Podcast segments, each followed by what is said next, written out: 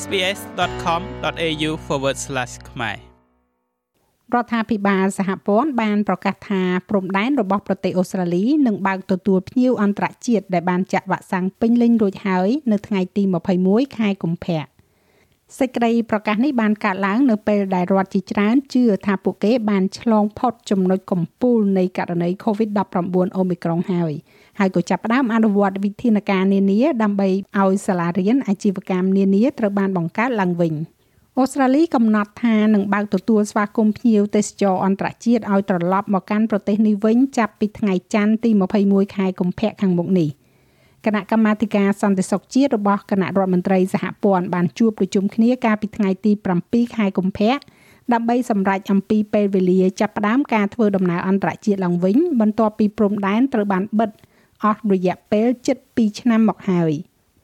ចាប់តាំងពីការបើកព្រំដែនអន្តរជាតិឡើងវិញនៅចុងឆ្នាំ2021គឺមានតែពលរដ្ឋអូស្ត្រាលីអ្នកដែលមានសិទ្ធិរស់នៅជាអចិន្ត្រៃយ៍និងក្រុមគ្រួសាររបស់ពួកគេដែលបានចាក់វ៉ាក់សាំងពេញលេញរួចហើយរួមជាមួយនឹងបុគ្គលិកកម្មករជំនាញសិស្សនិស្សិតអន្តរជាតិនិងអ្នកដំណើរ backpacker តែប៉ុណ្ណោះដែលត្រូវបានអនុញ្ញាតឲ្យចូលមកក្នុងប្រទេសនេះ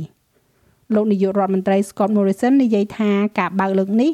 និងពង្រីកបន្ថែមដល់អ្នកដំណើរអន្តរជាតិស្ទើរតែទាំងអស់តែត្រូវស្ថិតនៅក្រោមលក្ខខណ្ឌចាំបាច់មួយ You must be double vaccinated to come to Australia. អ្នកត្រូវទៅចាក់វ៉ាក់សាំងឲ្យបាន2ដូសដើម្បីចូលមកអូស្ត្រាលីនោះគឺជាច្បាប់ ដែលយើងរំពឹងថាគ្រប់គ្នានឹងគោរពតាម ហើយវាមានសារៈសំខាន់ខ្លាំងណាស់ដែលពួកគេយល់អំពីតម្រូវការនោះប្រសិនបើពួកគេចង់ចូលមកអូស្ត្រាលី ប៉ុន្តែប្រសិនបើអ្នកចាក់វ៉ាក់សាំងបង្ការបាន2ដងរួចហើយយើងទន្ទឹងរង់ចាំស្វាគមន៍អ្នកឲ្យត្រឡប់មកប្រទេសអូស្ត្រាលីវិញហើយខ្ញុំដឹងថាឧស្សាហកម្មទេសចរនឹងទន្ទឹងរង់ចាំពេលវេលានោះហើយក្នុងរយៈពេល2សប្តាហ៍ខាងមុខវានឹងជាឱកាសសម្រាប់ភ្ញៀវទេសចរដែលចូលមកនិងសម្រាប់ពួកគេត្រៀមលក្ខណៈស្វាគមន៍ភ្ញៀវអន្តរជាតិដែលត្រឡប់មកក្នុងប្រទេសអូស្ត្រាលីវិញ។ សម្រាប់អ្នកដែលមិនបានចាក់វ៉ាក់សាំងបង្ការពួកគេនឹងត្រូវផ្ដល់ផុសតាងបញ្ជាក់ថាមានហេតុផលខាងផ្នែកវិទ្យាសាស្ត្រដែលពួកគេមិនអាចចាក់បានហើយតម្រូវការធ្វើចតាលិស័កនៅតាមរដ្ឋនឹងបន្តអនុវត្តទៅតាមការសម្រេចរបស់រដ្ឋាភិបាលថ្នាក់រដ្ឋនិងដែនដីរៀងៗខ្លួន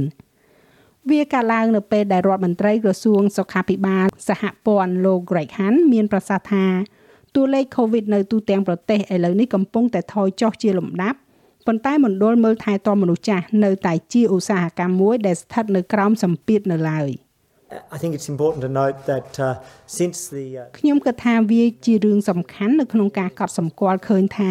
ចាប់តាំងពីរដ្ឋនីមួយៗឡើងដល់ចំណុចកំពូលនៃការចូលសម្រាប់ព្យាបាលក្នុងមន្ទីរពេទ្យក្នុងបន្ទប់ ICU និងត្រូវការខ្យល់ជំនួយដង្ហើម តួលេខចុងក្រោយបំផុតគឺថាយើងបានថយចុះ27%ពីកម្រិតខ្ពស់បំផុតនោះនៃការសម្រាប់ព្យាបាលក្នុងមន្ទីរពេទ្យថយចុះ35%ពីកម្រិតខ្ពស់បំផុតនៃបន្ទប់ ICU និង40%នៃអ្នកដែលត្រូវការខ្យល់ជំនួយដង្ហើមខ្ញុំគិតថាទាំងនេះគឺជាទំនោរដ៏សំខាន់ខ្លាំងណាស់នៅក្នុងលក្ខខណ្ឌនៃមណ្ឌលមើលថែទាំមនុស្សចាស់វិញគណៈពេលដែលយើងកំពុងឃើញការថយចុះនៃចំនួនករណីសកម្ម យើងដឹងថានៅតែមានសម្ពាធនៅក្នុងមណ្ឌលមួយចំនួននៅឡើយលោក Morrison បានបញ្ជាក់អះអាងអំពីការដាក់ពង្រាយកងកម្លាំងការពារជាតិអូស្ត្រាលីរហូតដល់ទៅ1700នាក់ដើម្បីជួយដល់មណ្ឌលមើលថែទាំមនុស្សចាស់ប៉ុន្តែលោកសង្កត់ធ្ងន់ថាកងកម្លាំងទាំងនេះមិនមែនយកមកជំនួសកម្លាំងនៅក្នុងវិស័យនេះទេ The teams that will be bringing together ក្រុមដែលយើងនឹងនាំមកជាមួយគ្នានេះមានតែ4ក្រុមប៉ុណ្ណោះដែលនឹងត្រូវជូនដំណឹង24ម៉ោងនៅក្នុងការចាប់ផ្ដើមពីថ្ងៃនេះហើយថានឹងកើនឡើងរហូតដល់ទៅ10ក្រុមនៅក្នុងការជូនដំណឹង24ម៉ោងហើយនោះគឺជាការឈានទៅរកស្ថានភាពធ្ងន់ធ្ងរស្ថានភាពដែលធ្វើការរួមគ្នាជាមួយនឹងមន្ទីរសុខាភិបាល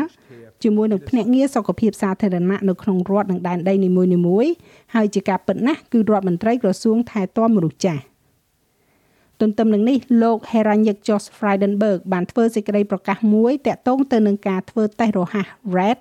ដែលអាចកាត់កងពន្ធបាននៅក្នុងគោលបំណងដកចេញនៅភាពមិនច្បាស់លាស់ណាមួយជុំវិញបញ្ហាពន្ធនៃការធ្វើតេស្តទាំងនេះការធ្វើតេស្តអង្គឌីហ្សែនរហ័សសម្រាប់គោលបំណងតាក់ទងទៅនឹងការងារនឹងអាចកាត់កងពន្ធបានទាំងស្រុង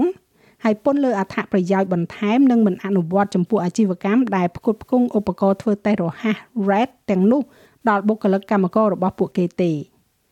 ការផ្លាស់ប្ដូរដែលបានស្នើសុំឡើងនេះនឹងត្រូវបានគេគិតថយក្រោយត្រឡប់មកវិញដើម្បីឲ្យការអនុវត្តមានសុពលភាពចាប់ពីដើមឆ្នាំហិរញ្ញវត្ថុ2021-2022នេះមកដោយគ្របដណ្ដប់ទាំងការធ្វើតេស្ត PCR និងការធ្វើតេស្តអង្គទីសែនរហ័សឬហៅថា RAT